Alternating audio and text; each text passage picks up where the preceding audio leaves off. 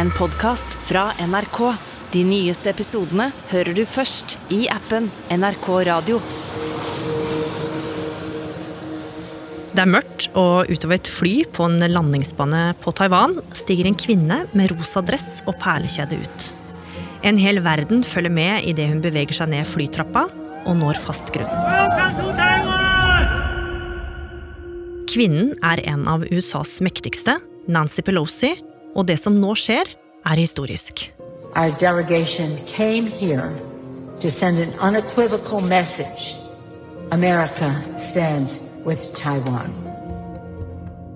Men besøket har fått Kina til å se rødt.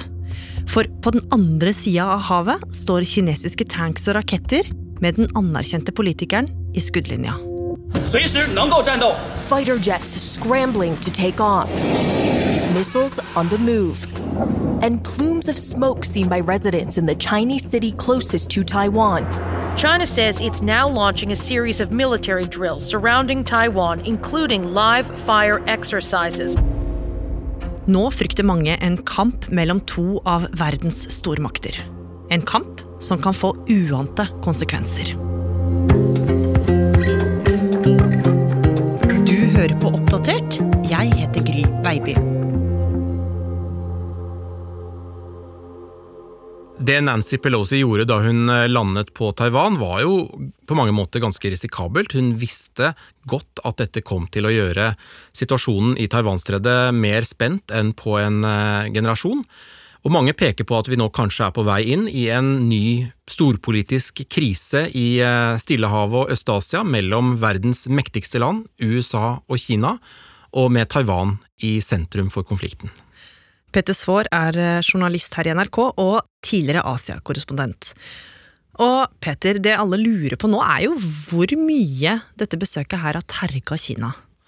Ja, Det interessante nå er jo hvordan Kina kommer til å svare på dette besøket fra Nancy Pelosi. Ikke bare hva de gjør denne uken eller eh, neste uke, men de neste par årene, faktisk. Fordi kinesiske aviser omtaler nå det som har skjedd som et vannskille for Kinas Taiwan-politikk og for forholdet mellom Kina og USA, så dette tror jeg ikke går over med det første.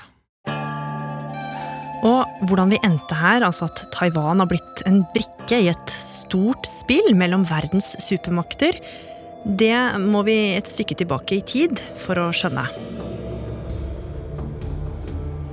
Året var eh, 1949. En eh, ødeleggende borgerkrig hadde herjet Kina i flere år allerede. På den ene siden sto nasjonalistene, på den andre siden Maos kommunisthær.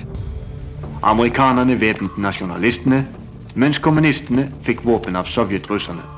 Forsiktige anslag går ut på at halvparten av materiellet er falt i kommunistenes hender, og det har bidratt sterkt til å gjøre Den røde hær her i Kina til en militær faktor av stor betydning i den fjerne Østen. Kommunistene vant. De erklærte Folkerepublikken Kina på fastlandet, mens de tapende nasjonalistene, med Chiang Kai-shek i spissen, de rappet med seg katt og kaniner og nær sagt alle møblene fra keiserpalasset i Den forbudte by i Beijing, og flyktet hals over hode ut i havet og til øya Taiwan. Og øya Taiwan er også denne fjellrike, naturvakre øya som ligger rundt 30 mil rett utafor fastlandskina. Men Peter, selv om de rømte dit, så var jo ikke konflikten over. Nei, for uh, nasjonalistlederen Chiang Kai-shek han eh, nektet jo først å erkjenne at de hadde tapt noen krig, og her kommer vi på mange måter litt til kjernen i Taiwan-konflikten helt fram til uh, i dag. For begge parter da, i borgerkrigen på fastlandet, både kommunistene og nå nasjonalistene som hadde flyktet til Taiwan, de hevdet begge at det var de som var den rettmessige lederen av dette enorme landet Kina. På fastlandet så kalte de jo Kina for Folkerepublikken Kina, på Taiwan kalte de seg for Republikken Kina, og begge la krav på dette enorme landområdet. Så etter en opprivende borgerkrig så sto det altså igjen med to Kinaer. Ett på fastlandet og ett Kina på Taiwan. Og de to områdene hadde jo hver sine støttespillere internasjonalt. Ja, og dette var jo i opptakten til den kalde krigen, og hvem som da støttet kommunistene og hvem som eh, støttet Taiwan, det falt jo etter hvert inn i en sånn kaldkrigslogikk, da, hvor Vesten endte med å anerkjenne Taipei, altså Taiwans hovedstad, som Kinas rettmessige hovedstad, mens østblokklandene og Sovjet anerkjente Folkerepublikken veldig tidlig.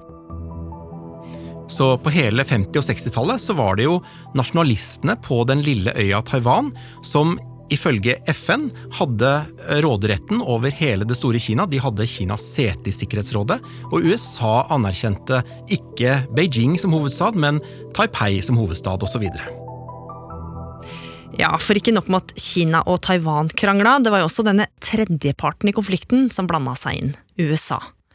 Og selv om USA støtta Taiwan, så så de jo at fastlandskina begynte å vokse seg større og mektigere.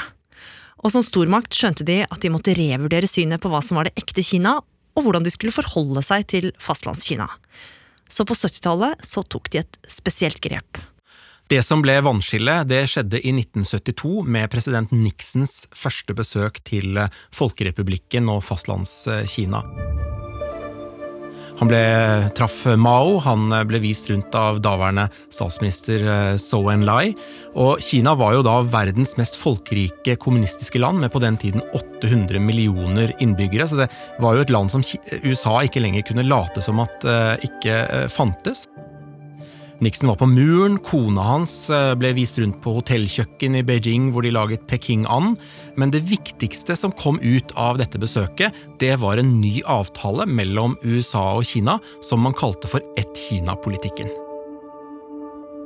Og den avtalen den var jo veldig forvirrende, for den oppklarte absolutt ingenting. Det USA og fastlandskina ble enige om, det var at det fins bare ett Kina, Taiwan er en del av Kina, og at USA skulle støtte en fredelig løsning av spørsmålet om hvem som var det ekte Kina.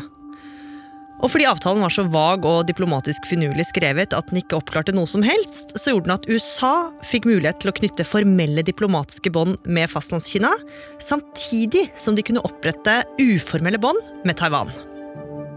Situasjonen ble jo litt absurd, fordi eh, Taiwan da med 23 millioner innbyggere, en liten øy, de eh, skulle da på papiret gjøre krav på store landområder eh, helt opp til den russiske grensen og Mongolia.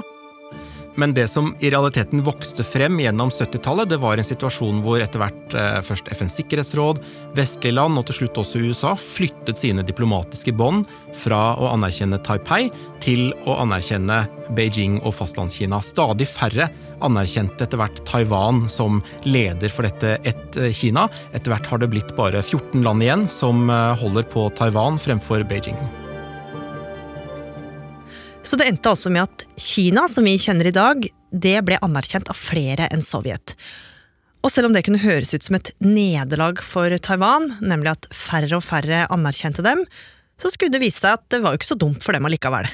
Nei, det har fungert kjempebra, fordi denne uklarheten den har gjort at Taiwan i praksis har kunnet operere som en selvstendig stat, som har egne pass og grensekontroll og egen regjering og valg og sånn, men uten at de har erklært formell uavhengighet, så de er fortsatt en del av liksom, eh, dette store ene Kina, men i praksis så har de jo fungert som eh, et eget land, og uten å uh, utløse den underliggende konflikten da, som ligger der hele tiden med kommunistene i Beijing. Ja, for under overflaten så lurte jo trusselen fra Kina. Ja, for kommunistpartiet mente at Taiwan er en uh, provins, og at det bare ville være et tidsspørsmål før de skulle gjenforenes med fastlandet, helst fredelig, men med makt om nødvendig. Og det var jo ikke noen tvil om at USA egentlig støtta Taiwan for å unngå at Kommunist-Kina fikk for mye makt og innflytelse. Men utover 80-tallet var det nettopp det som begynte å skje. Den økonomiske motoren i Kina startet opp for alvor, og det skapte en vanvittig velstandsvekst som har gjort Kina mye mektigere økonomisk, ikke minst også militært. Mens Kina nå virkelig skjøt fart, så gikk forholdet mellom Taiwan og Kina i bølgedaler. Og sånn var det i mange år. Og flere ganger så holdt det på å gå galt i dramaet mellom USA og Kina, med Taiwan i midten.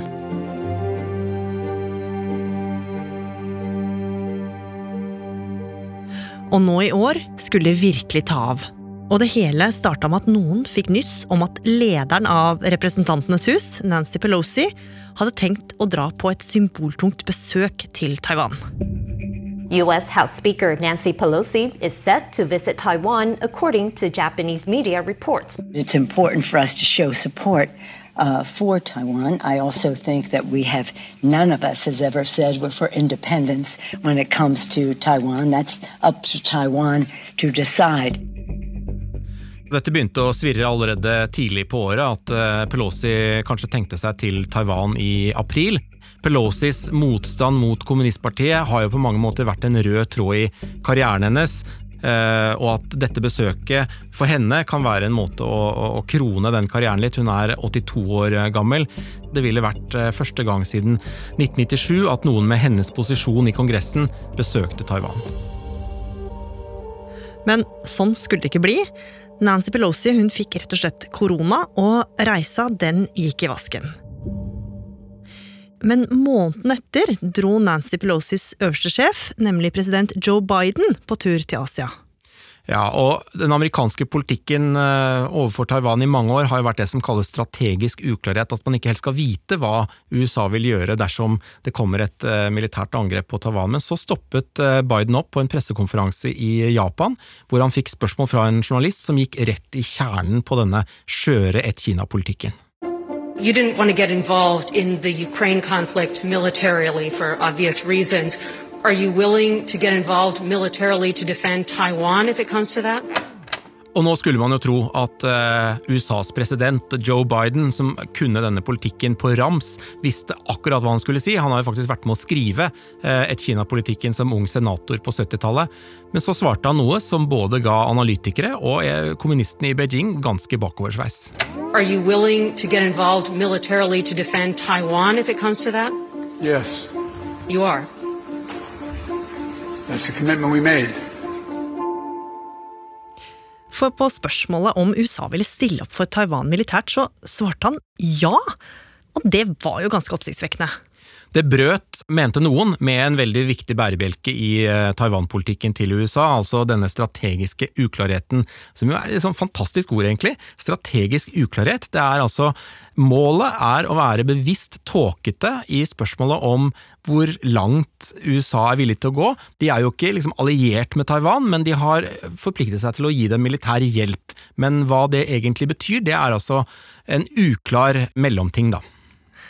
Og like etterpå så gikk stressa rådgivere fra Det hvite hus ut og forsikra at det Joe Biden hadde sagt, på ingen måte forandra noen ting av USAs politikk. De prøvde å si det, men problemet er at det har skjedd flere ganger.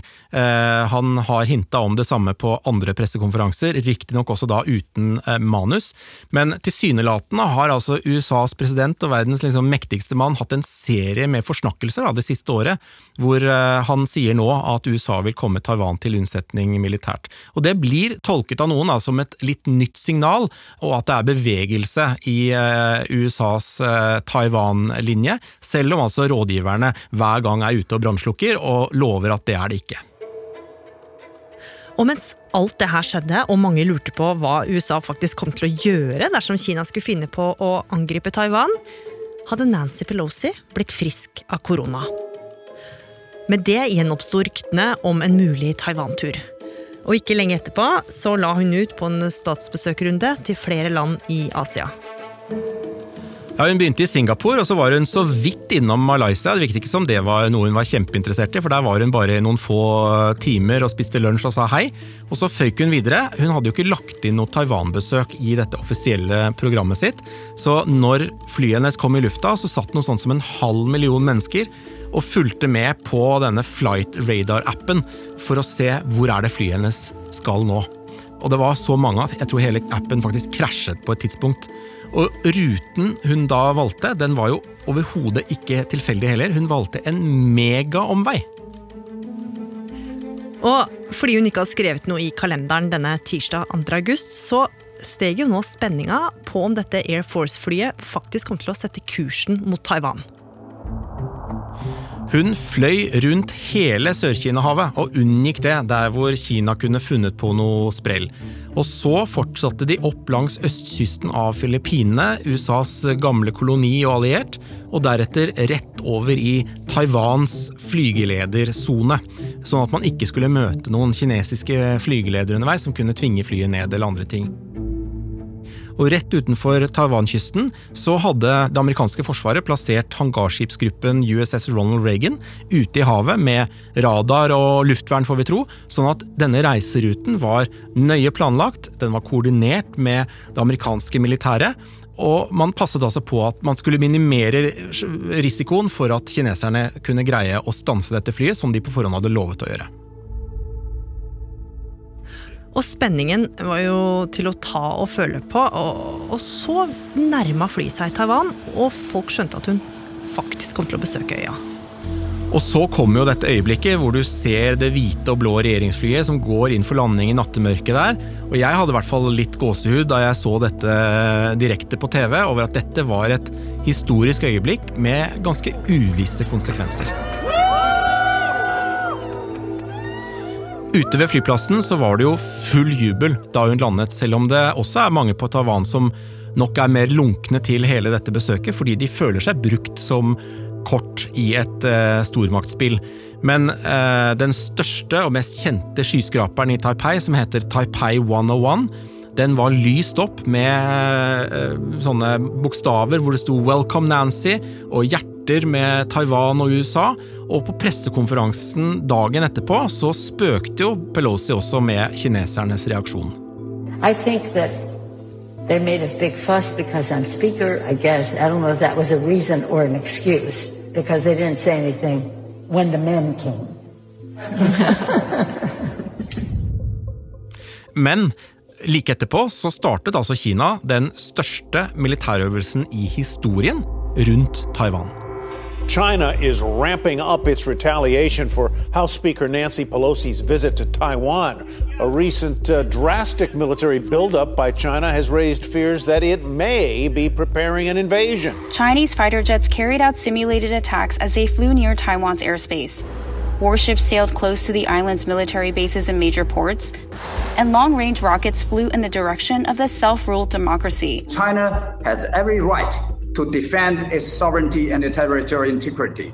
We are fully justified to do what we must. Og Peter, det er jo ingen tvil om at besøket fra USA allerede har fått store konsekvenser. Hva vil skje framover nå?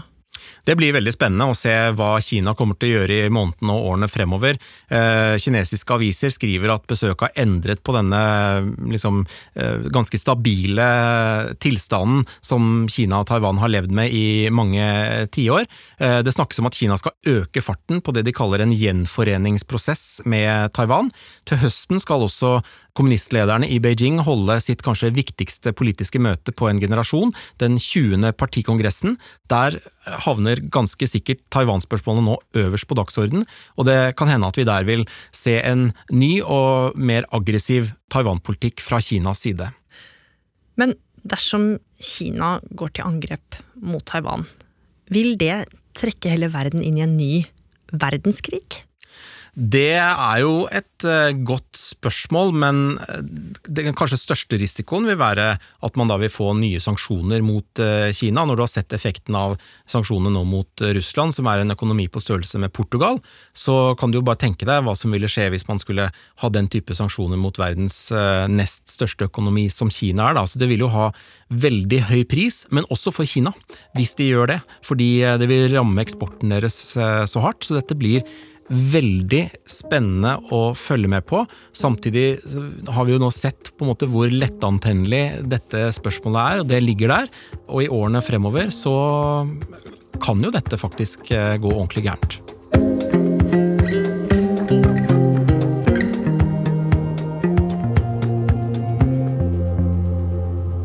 Oppdatert er en podkast fra NRK Nyheter, og denne episoden den var laga av Martin Holvik.